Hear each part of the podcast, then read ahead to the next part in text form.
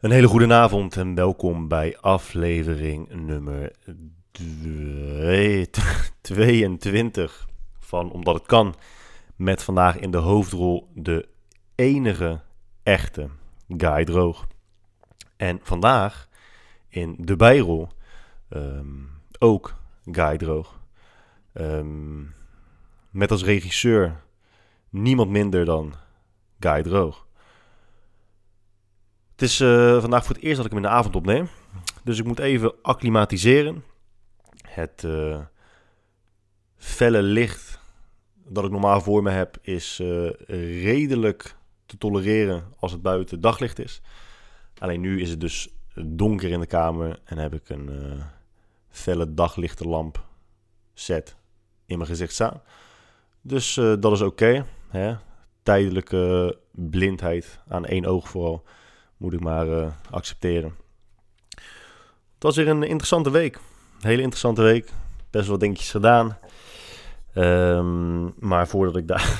fucking hell. Hoeveel afleveringen heb ik nodig voordat ik gewoon een degelijke introductie kan maken? Het is echt verdomme ongelooflijk. Ook deze aflevering uiteraard mede mogelijk gemaakt door Jimmy Joy. Heb je interesse in waanzinnige maaltijdvervangers, uh, vloeibare maaltijdvervangers? Check dan jimmyjoy.com en gebruik kortingscode GUYDROOG. En deze aflevering is uiteraard ook weer mede mogelijk gemaakt door Under Armour. Zonder Under Armour zag ik er niet elke dag zo piekfijn uit van top tot teen. Dus uh, ja, ja, veel gebeurt. Dat tenminste, veel gebeurd. Um, dat valt ook wel weer mee. Wel een aantal interessante gesprekken gevoerd. Een aantal interessante discussies gehad. Degene die me het meest bijstaat op dit moment is uh, van afgelopen zaterdag. Toen uh, ben ik uit eten geweest met mijn vriendin. Een, vriend van mij en zijn, en zijn vriendin. Dus de eeuwenoude double date. En een van de dingen die daar aan bod kwam, was platonische relaties tussen mannen en vrouwen. En of dat mogelijk is. Um, nu is dat discussieonderwerp natuurlijk best vaag. En het is ook een moeilijke discussie om te voeren. Omdat je te maken krijgt met allerlei verschillende definities. En iedereen hanteert daar verschillende definities voor. Uh, een heel simpel voorbeeld in dit geval is: ja, hoe definieer je een vriendschap?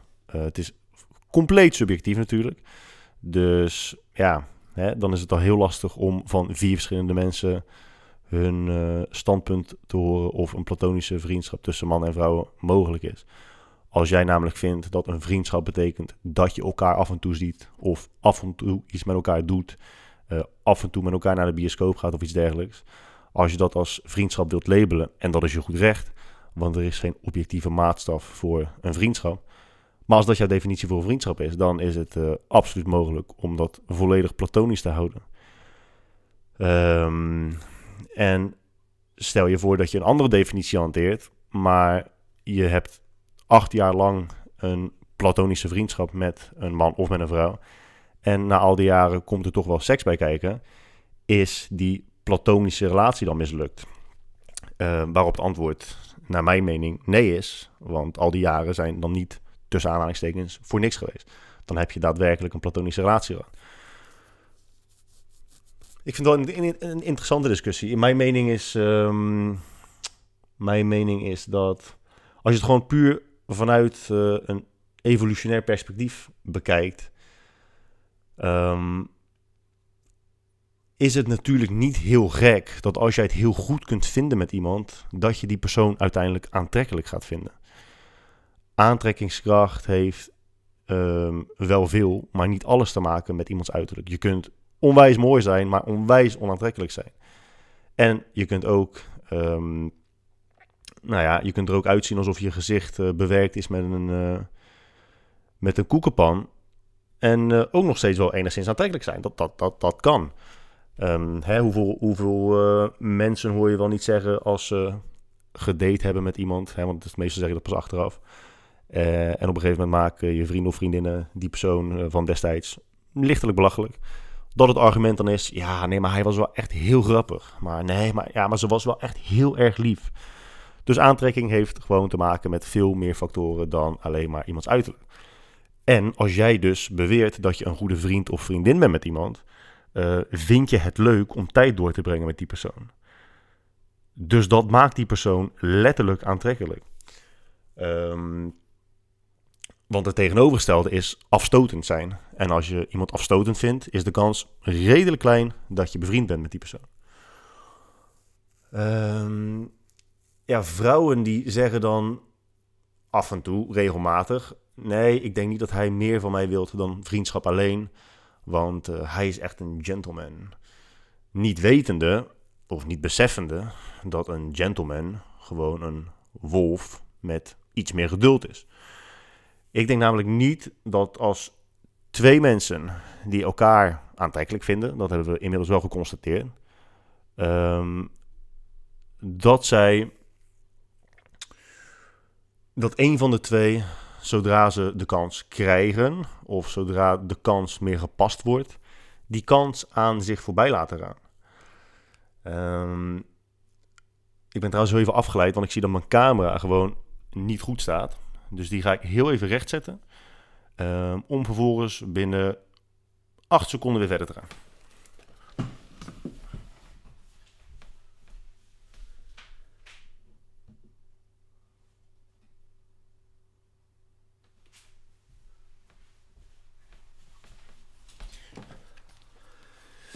Ik weet niet of het 8 seconden was en ik weet ook niet of die nu perfect staat. Maar ik heb in ieder geval mijn best gedaan. En met mijn best bedoel ik dat ik letterlijk de eerste poging uh, gewoon uh, bij de eerste poging heb gelaten. In de hoop dat het goed genoeg was. Ik denk dat het nadeel is dat we een bepaald beeld hebben van hoe een romantische relatie moet ontstaan en hoe een romantische relatie eruit moet zien. En zodra de basis van die relatie niet um, ongecontroleerde passie en liefde inhoudt, dat mensen dan denken: nee, maar weet je, ik zie, ik zie hem gewoon als vriend of ik zie haar gewoon als vriendin. Omdat ik, uh, ja, dat voel ik gewoon niet voor haar.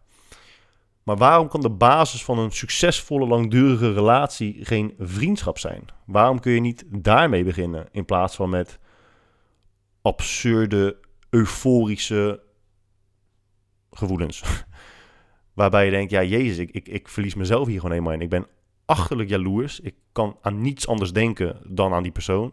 Ik eet niet, ik slaap niet. Het is gewoon verschrikkelijk. Maar dat is, even overdreven gezegd, hoe wij uh, de basis van een romantische relatie graag uh, willen zien. En als het daarvan afwijkt, kan het dus geen liefde zijn. En dat is best gek.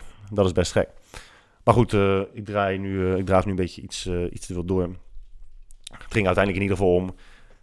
Vrouwen streven naar gelijkheid. En dat is, dat is, uh, dat is logisch. jullie willen hetzelfde behandeld worden als mannen. En ik weet niet exact wat dat inhoudt, want jullie zijn vrouwen. Dus waarom je dan behandeld wil worden als een man in elk opzicht, uh, is mij een raadsel. En ik weet dat ik het wat ongenuanceerd uitdoe. Maar jullie doen het tegenovergestelde ook niet echt altijd, hè? Uh, we hadden het bijvoorbeeld specifiek over uh, lunchen. Lunchen met, met mannen en lunchen met vrouwen. Heel specifiek. Dus de vraag die de andere man aan tafel stelde aan zowel mijn vriendin als aan zijn vriendin, was: zou jij het oké vinden als ik ging lunchen met een man? Of dat nou zakelijk is of niet, vind je dat oké?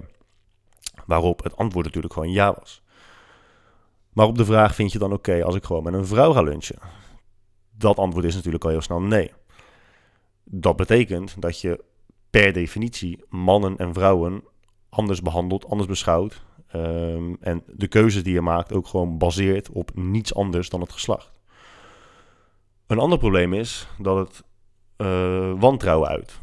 Want je vertrouwen is letterlijk ervan uit kunnen gaan um, of vrede hebben, vrede hebben met het idee dat jouw partner, ongeacht de situatie, de keuze zal maken waar jij beter slaapt vannacht.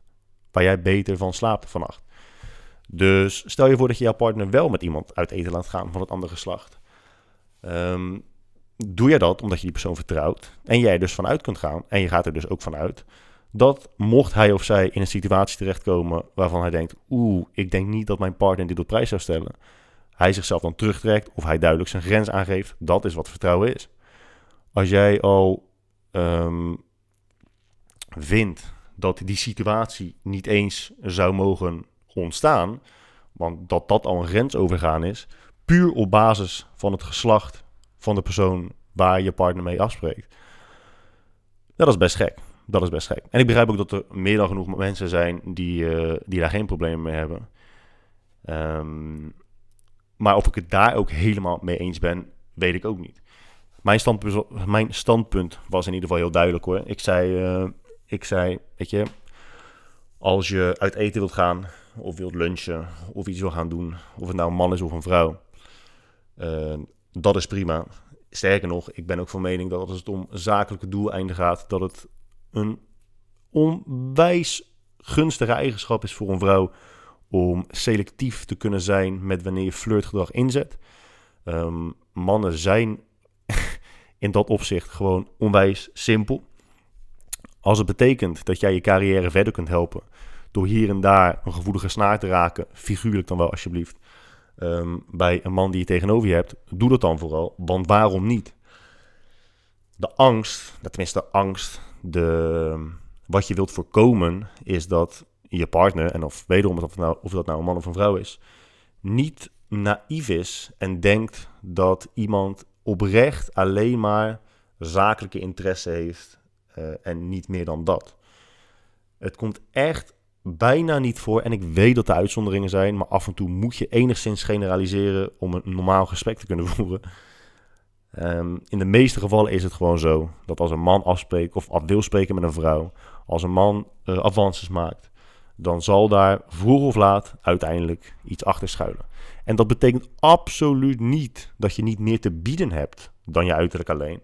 Dat een man alleen maar contact op kan nemen met je omdat hij bijvoorbeeld seks van je wil. Uh, dat is het niet. Het is juist dat je veel meer te bieden hebt dan dat. En dat is exact wat je interessant genoeg maakt om mee af te spreken.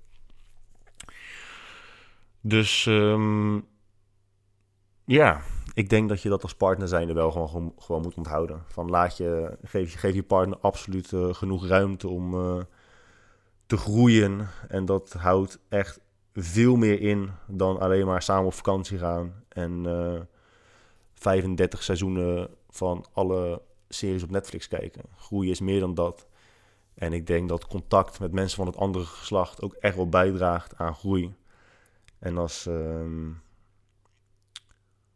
als je je partner niet eens op vertrouwt om dat te kunnen doen, dan uh, denk ik dat er, dat een probleem is. Overigens lijkt het nu alsof ik mijn relationele problemen op mijn podcast bespreek. Maar dat, is, dat is absoluut, absoluut niet het geval. Mijn vriendin en ik die zijn het over uh, ja, vrijwel alles eens. Onze kernwaarden liggen echt wel behoorlijk op één lijn. Vandaar dat ik dit ook gewoon zonder probleem kan bespreken. En dit is trouwens ook een, een, onderwerp waar ik, waar ik het een uur over kan hebben. Maar uh, een onderwerp waar ik het niet een uur over wil hebben. Zei ik twee keer wil of zei ik de eerste keer kan? Ik kan het een uur over hebben, maar ik wil er een uur over hebben. Uh, ik was laatst, uh, ik zit nu op de website goodreads.com. Goodreads. Good. Good. G-O-O-D R-E-A-D-S.com. Goodreads, goede boeken.com. Als je me daarop wil vinden, het is dus Goodreads, G-O-O-D-R-E-A-D-S.com slash guy uh, droog. En daar kun je een beetje zien de boeken die ik lees, aan het lezen ben, wil lezen. Het was echt fucking onmogelijk hoor, want ik heb gewoon een uh, x aantal boeken in de kast staan, maar ik heb boeken uitgeleend, uh, nooit teruggehad, boeken kwijtgeraakt, boeken van vroeger heb ik nooit meegenomen naar dit huis. Dus ik heb nu ingevoerd wat ik nu in de kast heb staan. Um, maar is best leuk. Is, uh, is wel reinig. Ik heb ook een keer alle films in IMDb ingevoerd die ik heb gezien.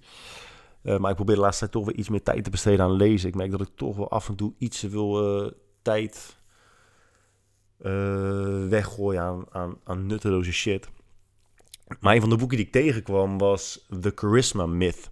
Best een, best een leuk boek. Gaat gewoon over charisma, hoe je dat een beetje kunt ontwikkelen. Um, niet alles was even voor de hand liggend in dat boek. Sommige dingen waren dat ik dacht, wat zo. God damn, son. Bij sommige dingen denk je van, oh ja, dat is inderdaad wel echt eh, interessant. Maar een van de dingen waar ik het dan weer niet helemaal mee eens ben, en dat ga ik vertellen nadat ik een slok neem.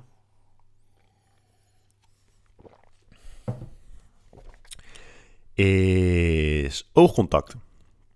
En eigenlijk hoor je heel vaak mensen zeggen dat als je charismatisch wil zijn, als je aantrekkelijk wil zijn, eh, als je serieus genomen wil worden, als je overtuigend wilt zijn, moet je te allen tijden oogcontact kunnen behouden. En dat vind ik motherfucking creepy. Maar niet alleen creepy, ik kan het ook gewoon niet. En ik denk, ehm, ik heb uitgezocht waarom dat zo is. En dat heeft echt, dat, dat zeggen ze vaker, dat mensen die geen oogcontact kunnen behouden, ehm, onbetrouwbaar zijn, uh, onzeker zijn. Uh, niet, precies wat, wat ze moet, niet precies weten wat ze moeten zeggen. Uh, liegen, dat heb je ook heel vaak. Hè? Oh, als iemand geen oogcontact met je houdt terwijl die praat, is die aan het liegen. Right. Oké, weet je, dat is een beetje vergezocht. Ik vind focussen op wat je wilt zeggen en um, mijn woordkeuze belangrijker dan focussen op de couscous die jij nog in je ogen hebt, omdat je die van morgen bent vergeten weg te halen. Um, kijk, als iemand anders praat, heb ik wel volledig focus op wat die persoon zegt en dan behoud je oogcontact. Maar je kunt niet volledig focussen op iemands gezicht en daar dus naar kijken, maar ook volledig focussen op de woorden die je kiest. Dat kunnen de meeste mensen niet. Pardon. Zo. Uh, dat kunnen de meeste mensen gewoon niet. En daarom heb ik van mezelf, ik merk duidelijk, en eigenlijk heb ik dat pas sinds kort gewoon kunnen loslaten. Als ik, als ik praat, en ik merk, dat merk ik ook als ik uh, nu al bezig ben. Ik kan bijvoorbeeld niet, en dat hebben jullie af en toe ongetwijfeld gemerkt. Als ik naar mijn scherm kijk en probeer te lezen en vervolgens ook tegelijk praten, dan ben ik heel mijn gedachtegang gewoon compleet kwijt. Maar ik kan ook niet echt heel goed constant om me heen kijken. Ik heb het liefst dat ik even naar één punt kijk en vervolgens goed nadenk over wat ik wil gaan zeggen. Het, ik vind het gewoon ook echt heel erg moeilijk om goede woorden te kiezen zonder taalfouten en dan tegelijkertijd op andere dingen letten. En dat komt omdat um, je concurreert op dat moment om dezelfde cognitieve processen. Dus wat er in het brein gebeurt, wordt te veel als je, moet, als je, als je uh, optisch wilt focussen op iets en jezelf ook nog verbaal wilt uit kunnen drukken. En daarom is bijvoorbeeld bellen in de auto gevaarlijk, ook als dat het hands-free is. Ik wist dus niet dat, daar kwam ik onlangs achter, dat er nog nooit bewijs is um, geleverd, of dat, dat nooit is vastgesteld, dat hands-free bellen veiliger is dan gewoon je telefoon aan de hand houden. Natuurlijk kun je stellen dat je met één hand meer risico loopt dan met twee handen aan het stuur.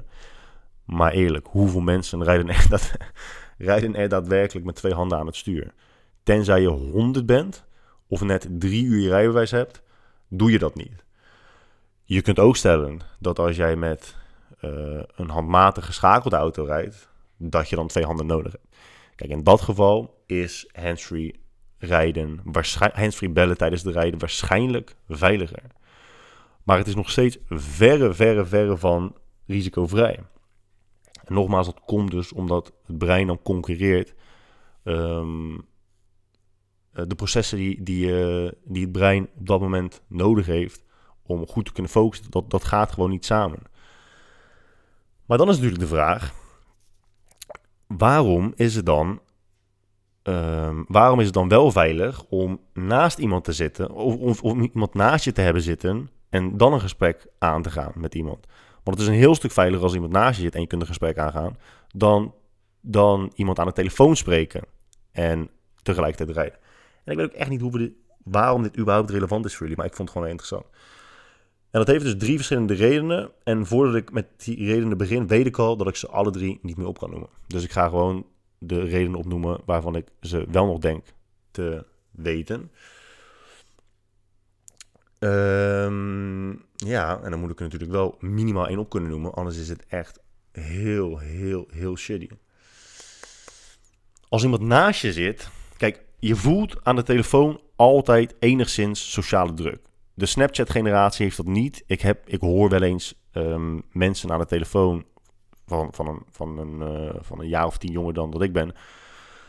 Die hoor ik wel eens aan de telefoon en dan denk ik, oké, ja, waarom, waarom heb je elkaar nu aan de lijn? Ik, ik snap het niet zo goed, want jullie zeggen niks. Maar als je op een gegeven moment 25 plus bent en um, iemand aan de lijn hebt, dan voel je enigszins sociale druk om te antwoorden. Dus als jij even niet kunt focussen op het telefoongesprek omdat je aan het rijden bent en niet dood wilt gaan, uh, en ook bij voorkeur geen hond of pasgeboren baby dood wilt rijden, dan moet je dus focussen op het verkeer. En dan af en toe kun je niet focussen op het gesprek, waardoor je dus geen reactie kunt geven.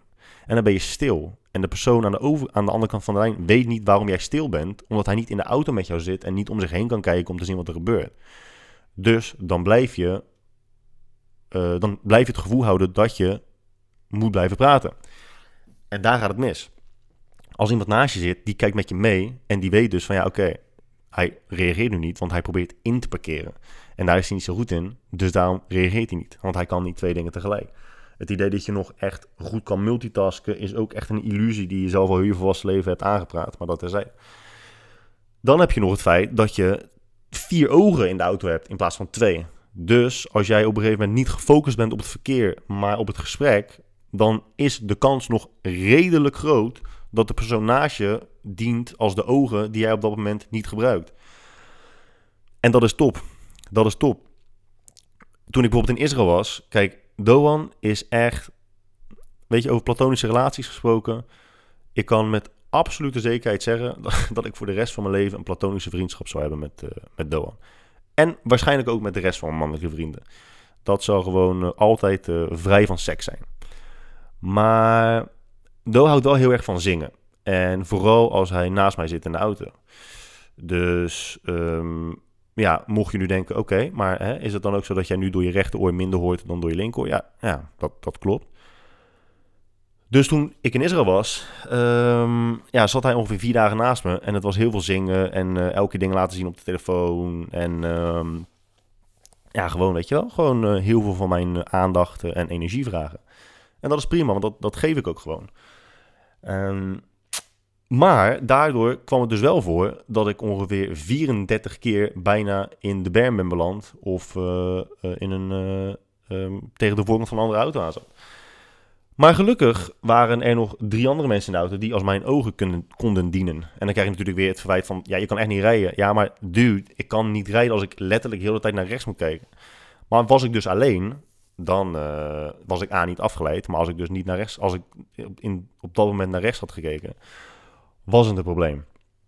En daarom is het dus veiliger om een gesprek te hebben met iemand die naast je zit dan, uh, dan uh, aan de telefoon. En de derde reden, zoals ik zei, ik, ik weet het niet meer. Er was nog een reden. Uh, hmm,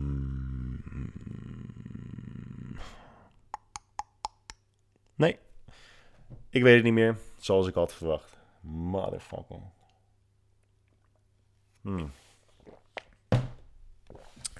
Weet ik het echt niet meer? Verdomme, verdomme guy. Wat een teleurstelling. Echt zo'n teleurstelling bij je af en toe.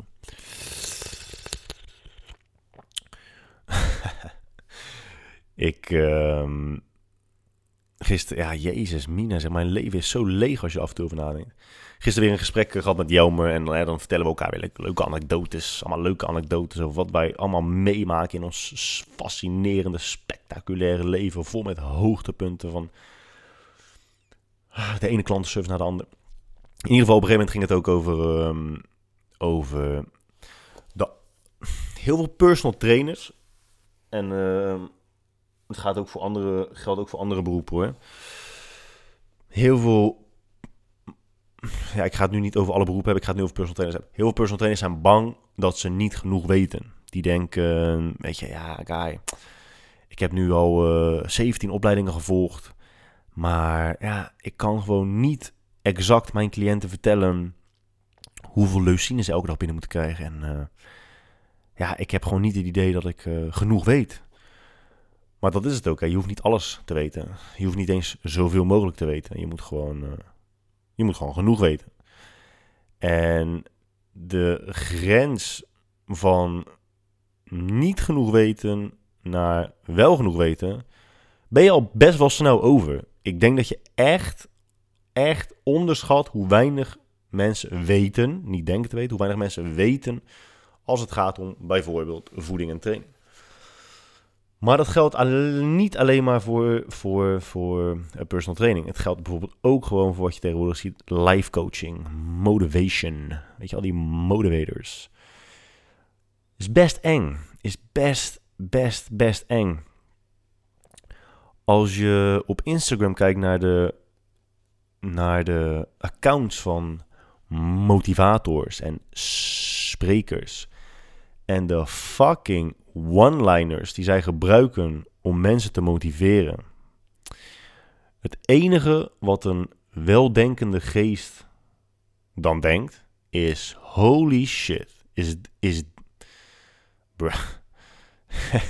is, is dit echt wat jij nodig hebt om gemotiveerd te raken? Je ziet, kut, ik kan het ook niet bijpakken nu. Fuck, want ik heb het telefoon, ik film met mijn telefoon, dus ik kan het niet bijpakken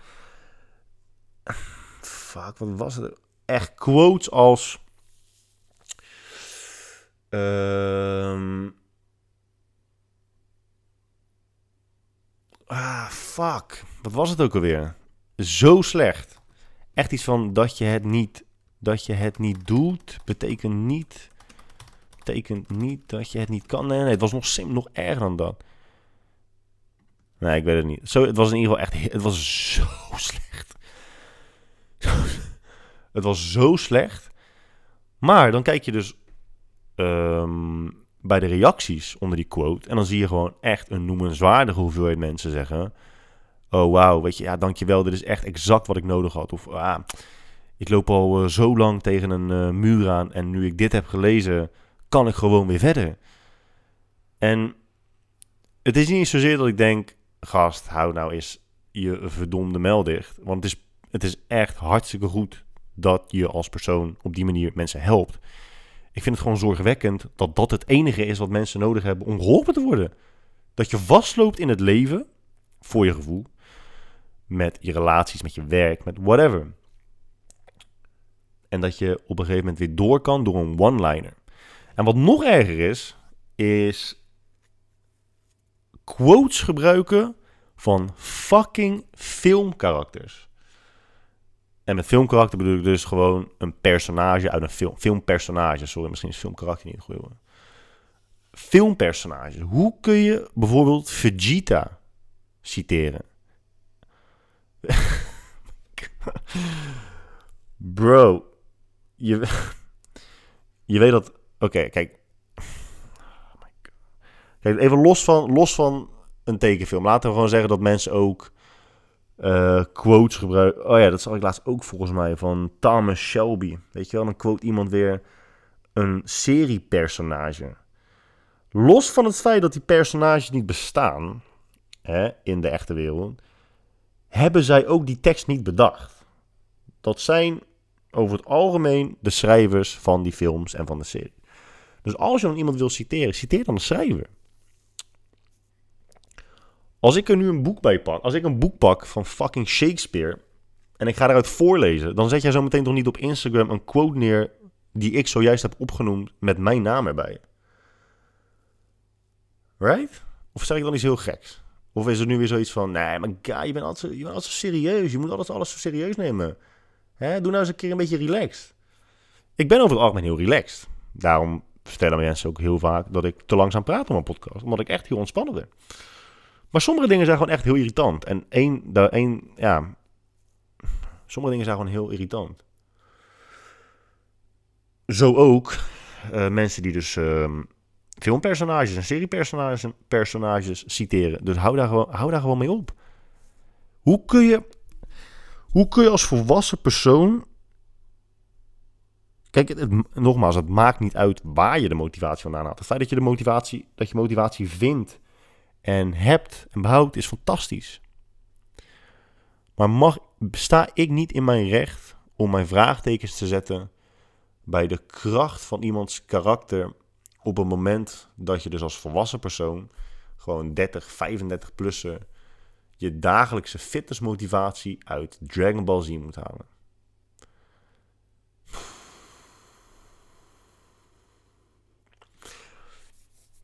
Ik had het vorige week ook over koude douches nemen. En ik ken Arie Boomsma niet hoor.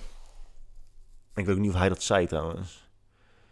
Van wat ik van Arie Boomsma heb gezien, uh, vind ik het een hele sympathieke, toffe kerel. Meen ik echt. Ik weet niet hoe hij dat zei. Iemand noemde, iemand noemde koude douches nemen een overwinning. Echt een overwinning. En dan kom ik terug op woordkeuze. Woordkeuze is belangrijk. Woordkeuze is heel belangrijk. Uh, vind ik.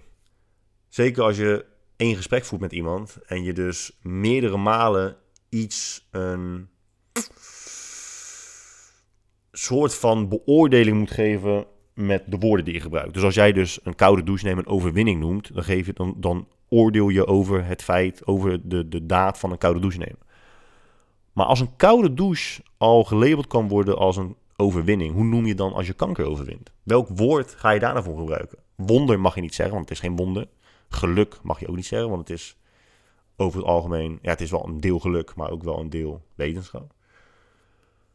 Maar het woord overwinning ben je kwijt. Je kunt niet zeggen, ja, nee, kanker overwinnen. Kan, kanker overwinnen.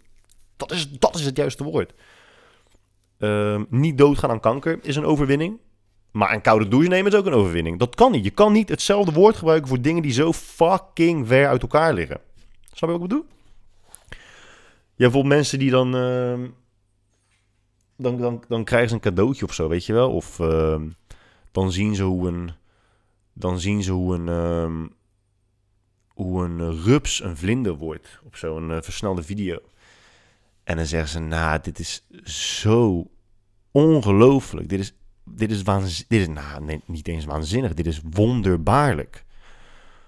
Oké, maar welk woord ga je dan gebruiken op het moment dat jij je eerstgeboren kind in je handen vast hebt? Wonderbaarlijk mag je niet meer zeggen. Want dat, dat woord ben je kwijt. Dat woord heb je gebruikt. Dat vond je um, dat, dat, dat vond je hoe een rups een vlinder werd. Dat vond jij waanzinnig. Dat vond je wonderbaarlijk. Ik neem aan dat je kind, je eerstgeboren kind in je handen vasthouden, dat het echt mijlen. Ik denk mijn, mijn woorden kwijt. Mijlen ver ligt van een rups en vlinder zien worden. Dus je kunt het niet allebei labelen met hetzelfde woord. Vind ik. Dus let gewoon op je woorden. Je kunt een koude douche nemen geen overwinning noemen. Kan niet. Kan absoluut niet. Wat het is, is waarschijnlijk een klein deel masochisme. Um, een klein deel denken dat het echt onwijs veel gezondheidsvoordelen heeft. En een klein deel aandacht vragen. En nogmaals, ik heb het niet over Arie Boomsma. Arie Boomsma is echt wel een, een toffe duur. Um, het gaat eigenlijk vooral om woordkeuze. En nadenken over... En daarom, ik, en daar heb ik het eerder over gehad. Daarom ben ik ook, toevallig heb ik het vandaag al heel veel over gehad met een cliënt ben ik ook niet vaak heel enthousiast. Ik bewaar mijn enthousiasme voor dingen die me echt enthousiast maken. Over het algemeen word ik ook echt alleen maar enthousiast van dingen die, die me enthousiast maken. En dat is ook best logisch natuurlijk. Want vandaag was het ook was het gesprek dat mensen vaak verwachten dat je enthousiast bent puur door hun aanwezigheid. Zeg ja, nou, je bent niet echt, uh, hè? Je, bent niet, je bent niet echt enthousiast vandaag. Ja, maar oké, wat heb jij gedaan dan? Of wat, is wat gebeurt er nu om me heen waar ik enthousiast van moet worden? En dan heb je natuurlijk altijd de, de, de New Age happy-go-lucky thinker die dan zegt... ja, het feit dat je leeft, Kai. Het feit dat je leeft moet je enthousiasmeren. Shut the fuck up. Dus net noemde ik jou even... Toen ik, zei over, toen ik het over oogcontact had... En dat, ik dan, dat ik liever niet focus op de couscous in je ogen. Toen wilde ik eigenlijk zeggen... Um, focus op de mee-eter op je neus. Maar toen dacht ik nee, want dat, dat onderwerp ga ik, ga ik bewaren. Dat onderwerp ga ik, ga ik bewaren. Je hebt een. Uh, er heerst een meeeter slash puist slash kieste slash ingeroeide haren slash ingeroeide nagel obsessie in de wereld. Dat is een feit. Als je kijkt naar Dr. Pimple Popper, uh, Dr. Pimple Popper, dat is op Instagram D-R-P-I-M-P-L-E-P-O-P-P-E-R. Dr. Pimple Popper. En zij is dus. ehm, is, dat dermatoloog? Nee, weet ik niet. Ze maakt in ieder geval eh, mensen schoon. Zij eh, filmt dus operaties en behandelingen als zij een van de dingen die ik zojuist opnoemde gaat verwijderen voor mensen. En die shit is echt next level. Ehm, en dan hebben we het niet over een community van eh 30 man. Hè? We hebben het ook niet over een community van 30.000 man. We hebben het echt over miljoenen mensen. Want als je naar haar YouTube-kanaal gaat, dan zie je ook hoeveel subscribers ze heeft. En dat weet ik niet uit mijn hoofd, want zo belangrijk vond ik die data niet. Maar ik ga het nu dus wel even kijken. YouTube Dr. Pimple Popper. Zij heeft, hou je vast, zij Dr. Sandra Lee. En zij heeft Oh, hou je smoe. Ze heeft 4,5 miljoen subscribers. En volgens mij hebben haar video's bij elkaar echt miljarden views. Dus ik denk dat ik niet overdrijf als ik zeg dat er een obsessie voor heerst. Ehm, mocht je nu afvragen, ja, maar Kai, heb jij dat dan ook? Dan is het antwoord ja. Niet zo erg als heel veel andere mensen, want er zijn echt als je die reacties leest, het is behoorlijk interessant, maar er zijn mensen die er letterlijk van moeten watertanden, die eh, er echt opgewonden van raken, seksueel opgewonden van raken. En daar gaan we het zo over hebben. Eh, en dat is best interessant. Die hebben ook echt hele, hele ehm, ehm, specifieke soort puist of ontsteking die ze, die ze uitgeknepen willen zien worden. Ehm, en ze hebben ook echt een soort van script in hun hoofd. Waarvan zij vinden dat als dat script doorlopen wordt, dat het dan gewoon de perfecte scène is. En dat is best gek. Zeker als jij daar echt helemaal niks mee hebt. Maar toen dacht ik, ja, oké, hoe kan dat? Oh, ik, ik noemde trouwens van alles nog wat.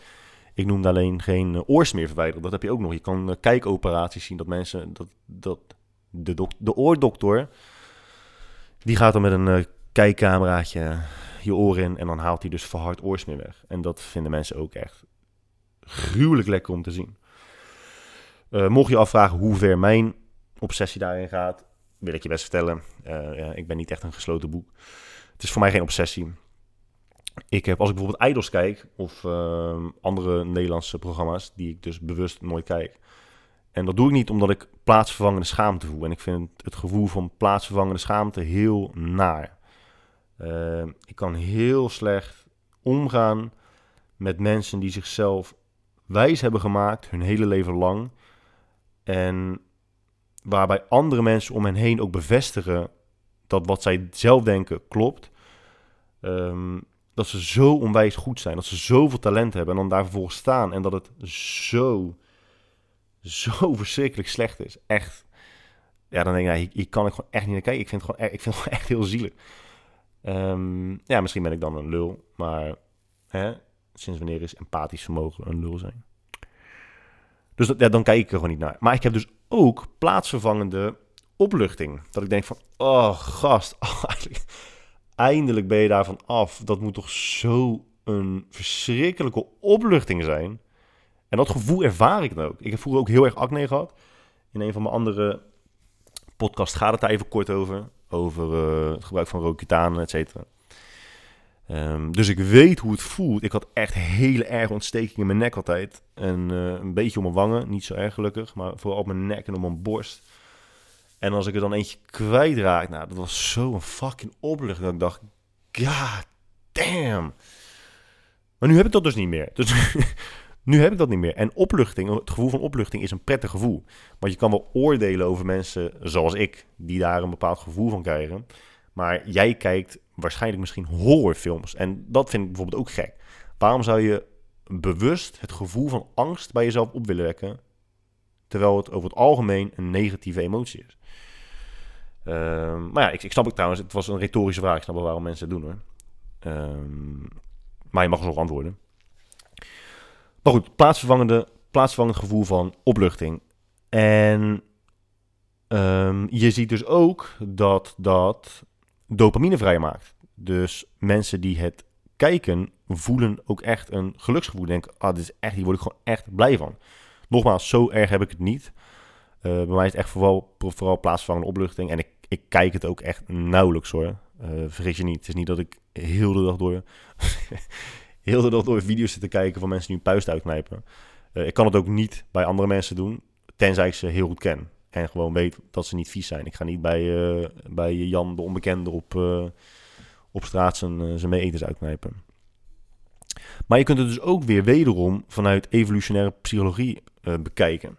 En vroeger, en dan heb ik het niet over vijf jaar geleden, maar over best een tijd geleden, ehm, hadden we natuurlijk ook gewoon vlooien en teken en hè, gewoon parasieten en andere indringers op ons lijf die verwijderd moesten worden. En dat werd voor ons gedaan.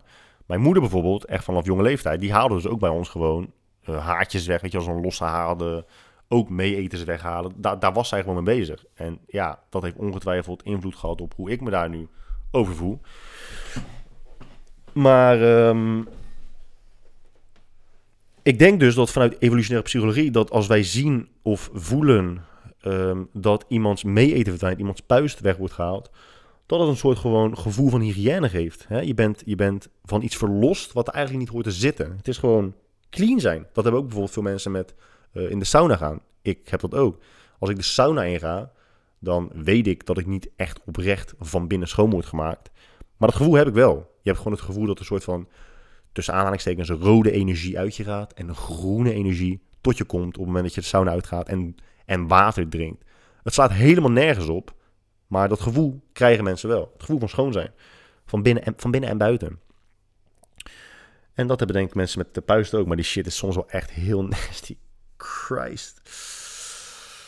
Uh, maar ja, de goede zijn natuurlijk ook echt wel... Er zijn veel meer mensen die het echt fucking, fucking smerig vinden.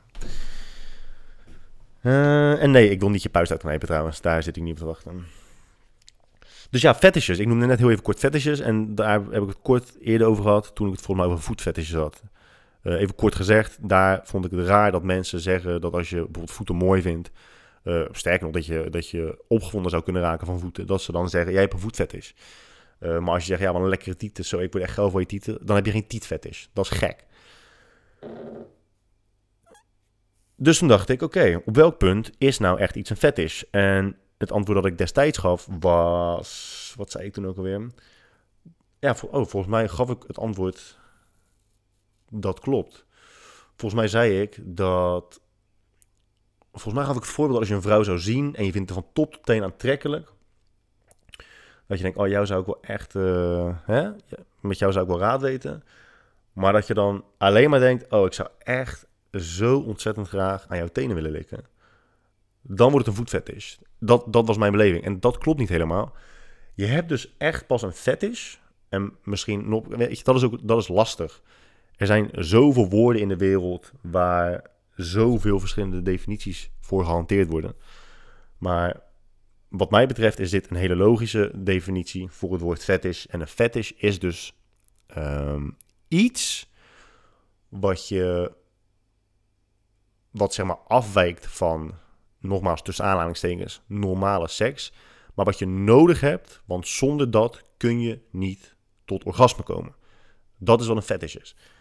En toen ben ik eens gaan lezen, want ik, ik ben ongeveer bekend met uh, de, de, de absurde fobieën die er, die er in de wereld bestaan. Er zijn echt, als jij denkt dat jij een gekke fobie hebt, ik weet niet of de dame met de vlinderfobie nog steeds kijkt, ik hoop het wel. Maar als jij denkt dat een vlinderfobie gek is, en ik dacht dat destijds ook, uh, niet wetende dat ik de lijst van andere fobieën um, op het moment dat ik die mail las, was vergeten.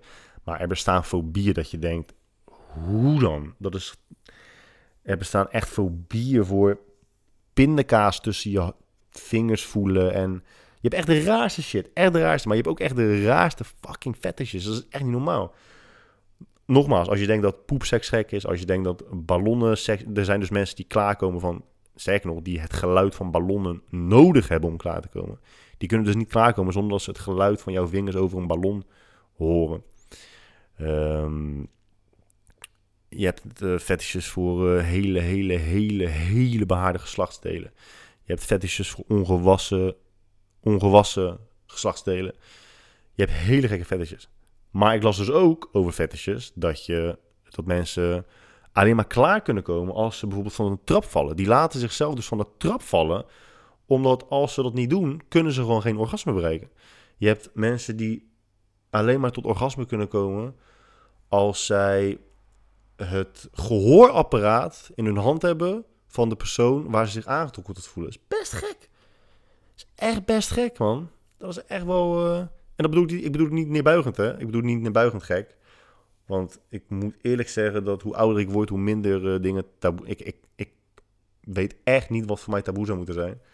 En ik vind alles interessant. Niet mezelf te proberen, maar wel om over te horen en over te lezen.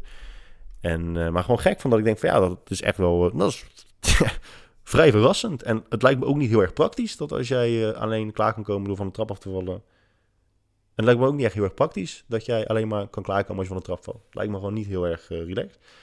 Dat je je vrouw ligt ernaar en dat je zegt, nou ja schat, ik ben uh, nu klaar om van de trap af te vallen. Al die arme vrouw die dan, die dan in bed ligt te wachten tot de vent terug naar bed komt. Ik kan me ook wel voorstellen dat er een soort van gevoel van schaamte bij komt hoor. Want je weet dat jouw vet is natuurlijk zo ontzettend afwijkt van wat de dame in kwestie tot dat punt gewend is geweest. En hoe kom je er in godsnaam op? Hoe kom je op dat gesprek? Dat je dat gewoon toegeeft. Bouw je daar langzaam naar op? laat je haar eerst jou slaan? Laat je haar je dan vervolgens duwen? Laat je je dan vervolgens van het bed afduwen? En zeg je dan, hé hey, maar schat, zou het niet geil zijn als je mij gewoon een keertje van de trap afflikkert? En dat dat, dat het dan gebeurt, want je weet dat dat... En hoe kom je daar ook achter voor jezelf? Dat je dan, val je dan als kind van de trap en dat je denkt... God damn, son. That was good. Hoe werkt dat? Ik snap het niet zo goed. Maar dat gesprek voeren lijkt me ook wel heel erg aanrelaxed. Zou je maar, zou je maar eens een keertje van de... Hè? Van de trap af willen gooien? Hmm. Lijkt me geen relaxed gesprek om te moeten voeren. Want het kan echt alleen maar twee extreme kanten op. Dat je vrouw zegt, oeh, yeah, laten dat een keer proberen. Of ze denkt, holy shit, jij bent fucked up. Nee, dat lijkt me echt helemaal niet leuk om te doen. Maar goed, misschien zie ik het verkeerd, hè. Misschien dat het echt absoluut niet is hoe het gaat.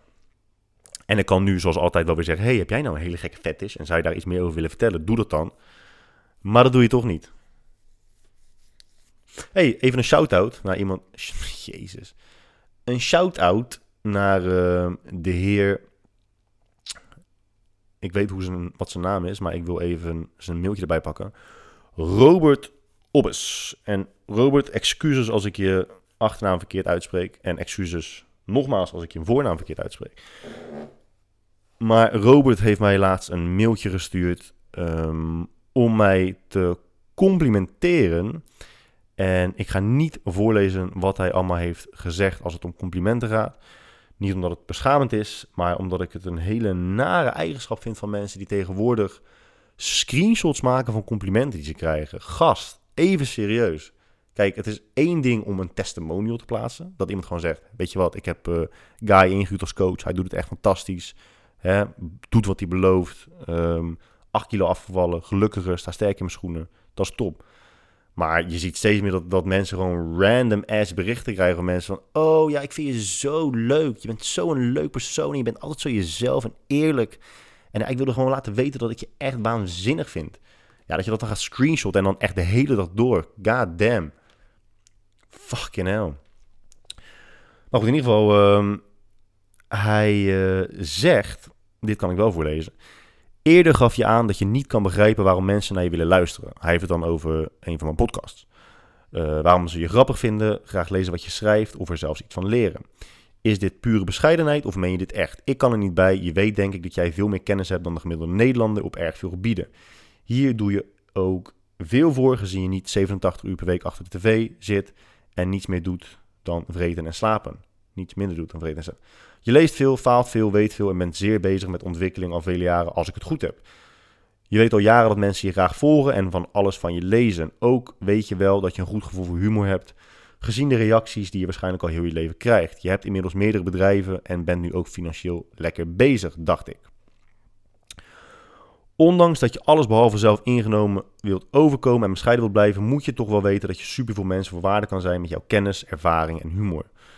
Je hebt veel bereikt en ik denk dat 90% van Nederland naar je op kan kijken met waar je vandaan komt, waar je mee bent gestart, je leeftijd. Dat zou je ook wel weten. Um, nou ja, en ik dacht, ik ga die uh, uitspraak gewoon eens uh, hier op de podcast behandelen. Ten eerste, Robert, onwijs bedankt dat je de tijd hebt genomen om je uh, mail te schrijven. Je eindigt met sorry voor de veel te lange mail. Dit is absoluut niet iets waar je jezelf voor hoeft te verontschuldigen omdat iemand complimenteren nooit, maar dan ook nooit het sorry zeggen voor waard is. Dat is natuurlijk uh, heel gek. Dus nogmaals hartstikke bedankt. Dat stel ik, oprecht op prijs. Um, hoe ga ik hier antwoord op geven? Is het pure bescheidenheid of mede het echt? Het is absoluut niet pure bescheidenheid. Ik denk dat, ik, dat het ook uh, aansluit op datgene wat ik eerder in deze podcast zei. Dat om heel veel mensen te helpen, vind ik in ieder geval, dat je niet heel veel hoeft te weten. Dus de kennis die ik heb vergaard om een groot deel van mijn volgers te helpen, of, uh, of de informatie waar ik hen mee heb voorzien, ik vind niet dat daar een noemenswaardige hoeveelheid tijd van mijn kant in heeft gezeten. Ik vind niet dat dat mij op een hele aanzienlijke manier onderscheidt van heel veel andere mensen.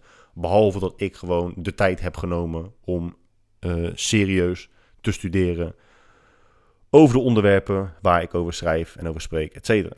Dus ik vind, dat, ik vind dat, ondanks dat ik oprecht een compliment waardeer en me ook oprecht gevleid voel dat mensen de dingen die ik schrijf en zeg uh, tot zich nemen, ja, vind, ja, ik vind het gewoon niet heel erg uh, bewonderenswaardig. Omdat ik ben absoluut niet van mening dat je alles kan bereiken wat je wil. Dat is echt de grootste onzin in de wereld. Maar wat ik heb bereikt om in ieder geval een redelijk publiek te vergaren. Um, ik denk dat heel veel mensen dat kunnen bereiken. Ik denk alleen dat het probleem is dat mensen te veel anderen na gaan doen waar ze tegenop kijken. Dus als je mij, als ik mezelf in dit geval als voorbeeld mag nemen, niet, nogmaals, ik vind niet dat je tegen mij op hoeft te kijken, maar mocht je dat wel willen doen, dan zie je dus heel veel mensen die gaan naar mijn blog, die kijken, oké, waar heb ik over geschreven? Hier ga ik ook over schrijven. Maar zo werkt het niet. Um, je moet wel een beetje vernieuwend zijn, een klein beetje. En je kunt wel dezelfde onderwerpen aankaarten, maar doe het dan in ieder geval op een manier waardoor mensen denken, oh, dit is inderdaad wel grappig of interessant. Jij geeft zelf ook dat ik een gevoel voor humor heb. Uh, en dat spreekt mensen ook veel aan. Maar wat het meeste blijkt, blijkt of wat je, wat je, de conclusie die je kunt trekken uit jouw mail, uh, Robin, is dat wat ik schrijf en hoe ik ben en de grappen die ik maak, gewoon heel erg in lijn liggen met wat jij leuk vindt, waar jij van houdt. Dus jij en ik zitten in dat opzicht gewoon heel erg op één lijn. De dingen die ik doe, de dingen die ik zeg en de manier waarop ik dat doe, die trekken een hele specifieke doelgroep aan. En, want alle termen die je gebruikt zijn heel erg subjectief. Hè? Je hebt een goed gevoel voor humor, dat is subjectief. Heel veel mensen vinden mij echt totaal niet grappig. En dat is prima. Maar de mensen die me wel grappig vinden, die vinden me ook echt grappig. En die luisteren naar de podcast. Dus, uh, en, ja, en, en bijvoorbeeld, uh, ja, je bent financieel lekker bezig. Ja, dat is ook wel echt natuurlijk heel subjectief. Iedereen die deze podcast luistert, behoort gewoon tot de top 1% van rijkste mensen die ooit heeft geleefd. En nog steeds hebben we het lef om over andere mensen in deze maatschappij te zeggen: ja, maar jij bent financieel zo goed bezig. Ja, maar als je het vergelijkt met alles en iedereen die ooit heeft geleefd en nu ook nog steeds leeft, zitten wij in dat opzicht veel meer in hetzelfde straatje dan uh, je denkt. En de voornaamste reden waarom ik uh, mezelf echt helemaal niet zo bijzonder vind, is dat hoe meer ik leer en hoe meer ik weet en hoe volwassener ik word, hoe meer en meer ik erachter kom dat ik echt geen ene, maar dan ook echt geen ene klote weet. Gewoon echt helemaal niks. En nogmaals, dat is echt geen valse bescheidenheid. Ik, ik weet gewoon echt helemaal niks. En sommige mensen kunnen dan zeggen, ja, maar wat is dat nou weer voor onzinnige, deprimerende gedrag, gedachte? Maar ik vind het juist een hele fijne, hele motiverende, hele positieve gedachte.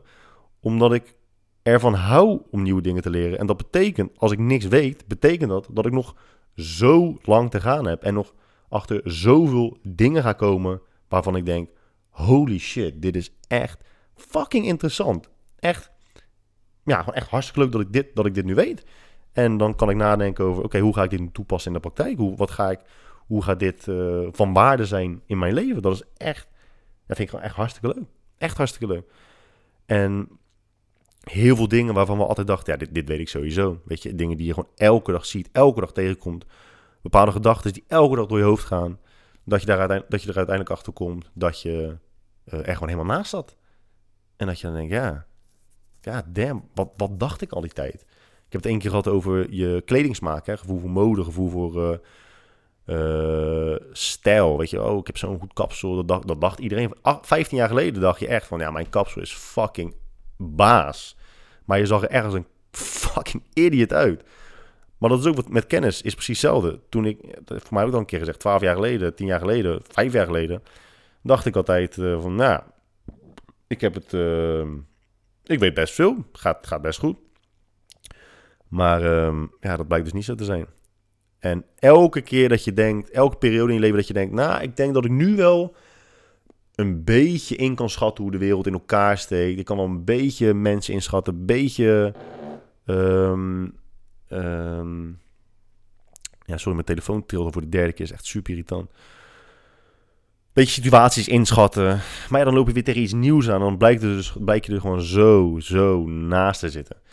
Um, ik lees nu ook trouwens je tweede mailtje. Als ik toch bezig ben, is rooketano nu erg schadelijk? En neem je een kuur met lage dosering of permanent? Door jouw verhaal twijfel ik om het toch wellicht te proberen. Al is mijn uiteindelijk goed, mits in zuivel, plantaardige olie en pindakaas meet. Zo, zo. Je snapt dat dit niet ideaal is gezien dit in veel verwerken tegenwoordig. Uh, ja, de relatie tussen acne en voeding is heel lastig.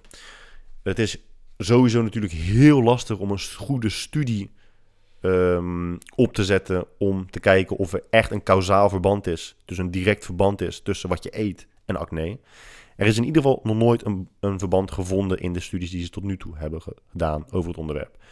Uh, dus op basis van, de, van alle literatuur die er nu over beschikbaar is, kunnen we zeggen dat er geen verband is tussen wat je eet en acne. Maar nogmaals, een goede studie daarover opzetten is bijna onmogelijk. Want je zou letterlijk mensen in een hok moeten plaatsen.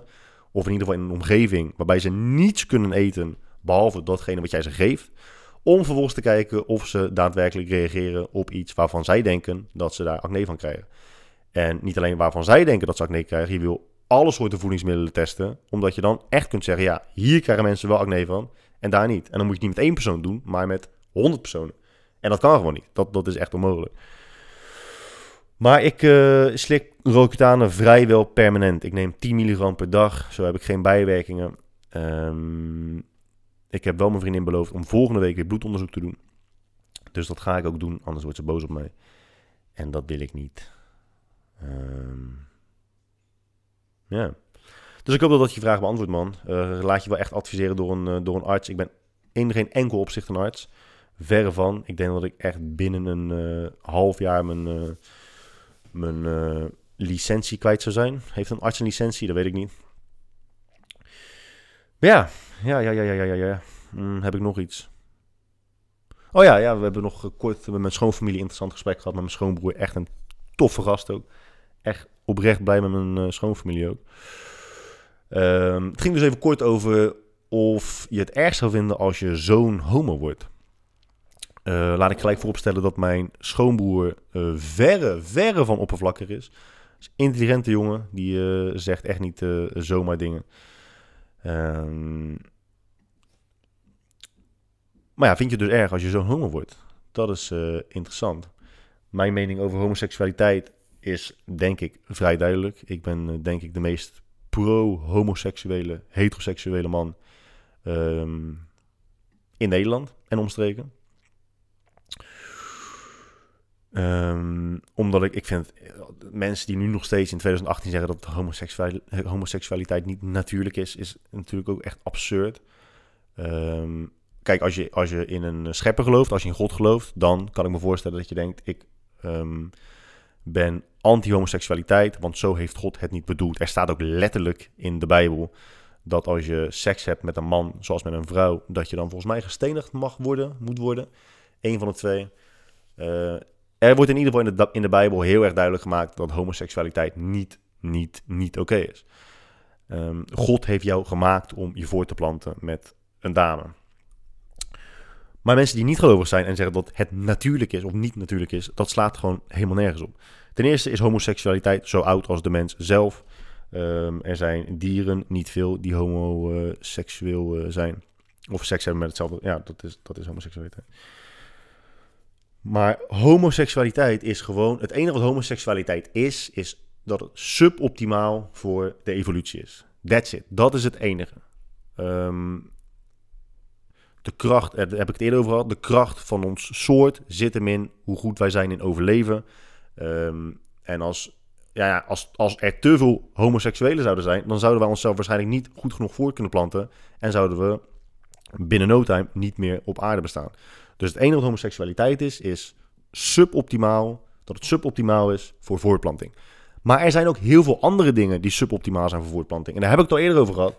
Als jij een bepaalde medische stoornis hebt, waardoor je of echt verschrikkelijk onaantrekkelijk bent, of je letterlijk niet voort kunt planten, dan zeg je er ook niet. Nee, nee, nee. Jij, nee, nee, jou wil ik hier niet hebben. Jij bent zo onnatuurlijk. Heel veel, heel veel dingen zijn suboptimaal voor de voortplanting. Dat maakt het niet onnatuurlijk. En het feit dat we seks kunnen hebben, betekent niet dat we ervoor gemaakt zijn. Want we zijn niet gemaakt. Maar goed, uh, de, sorry, het punt was dus... Ja, zou je het erg vinden als je kind homoseksueel zou zijn? Mm, en dat wordt dan wel lastig. Dan wordt het iets meer genuanceerd. Omdat als jouw zoon homoseksueel is... Ik zou het trouwens helemaal niet erg vinden... Maar waar ik wel moeite mee zou kunnen hebben, als ik mezelf een klein beetje in zou kunnen schatten, is dat eh, ik, ik heb wel een afkeer voor um, mannen seks horen of zien hebben. Mannen zien zoenen vind ik niet erg. Um, ik heb een keer, uh, um, een, keer een uh, uh, pornovideo geprobeerd te kijken van, van twee mannen. Nou, ik kan je met absolute zekerheid garanderen dat ik dat echt niet relaxed vind. Ik hield het ook echt geen minuut vol. Maar als je dus een zoon hebt die homoseksueel is en gewoon zijn gang wil gaan thuis, ja, dan moet je dus aanhoren wat er in de kamer naast je gebeurt. En dat wat daar gebeurt, voel jij van nature een afkeer voor. Het is niet, nogmaals, ik ben er niet, ik ben er niet tegen. Het is ook niet dat ik ervoor kies om het vies te vinden. Vies is ook een groot woord. Het is iets waar je gewoon, waar je gewoon afgestoot van wordt. En stel dat het dus heel vaak gebeurt, dat, jou gewoon, dat, jou, dat jouw zoon gewoon een leuke vent heeft gevonden. Nou, nu, moet ik zeggen, nu ik het zo aan het uitspreken ben, denk ik dat de liefde voor je zoon en het feit dat je hem natuurlijk gewoon de wereld gunt, altijd uh, het gevoel van afgestoten voelen zal overtreffen. Ja, dat denk ik wel. Ja, ja, ja, ja, ja. Nou, dan hebben we dat ook afgesloten. Top. Hè? Helemaal mooi. Um, dan ga ik nu genieten van mijn dinsdagavond, aangezien het 10 uur s'avonds is en ik dit weer opneem voor drie mensen. Ik hoop dat jullie er enigszins van hebben genoten. Ik in ieder geval wel. Ik zat er wat mij betreft lekker in vandaag. En dat bedoel ik weer figuurlijk.